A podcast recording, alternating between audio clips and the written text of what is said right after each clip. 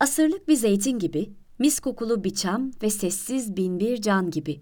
Yanmak, yanık kokan, alev gibi sıcak tek bir kelime. Kömüre döndüren, kül yağdıran.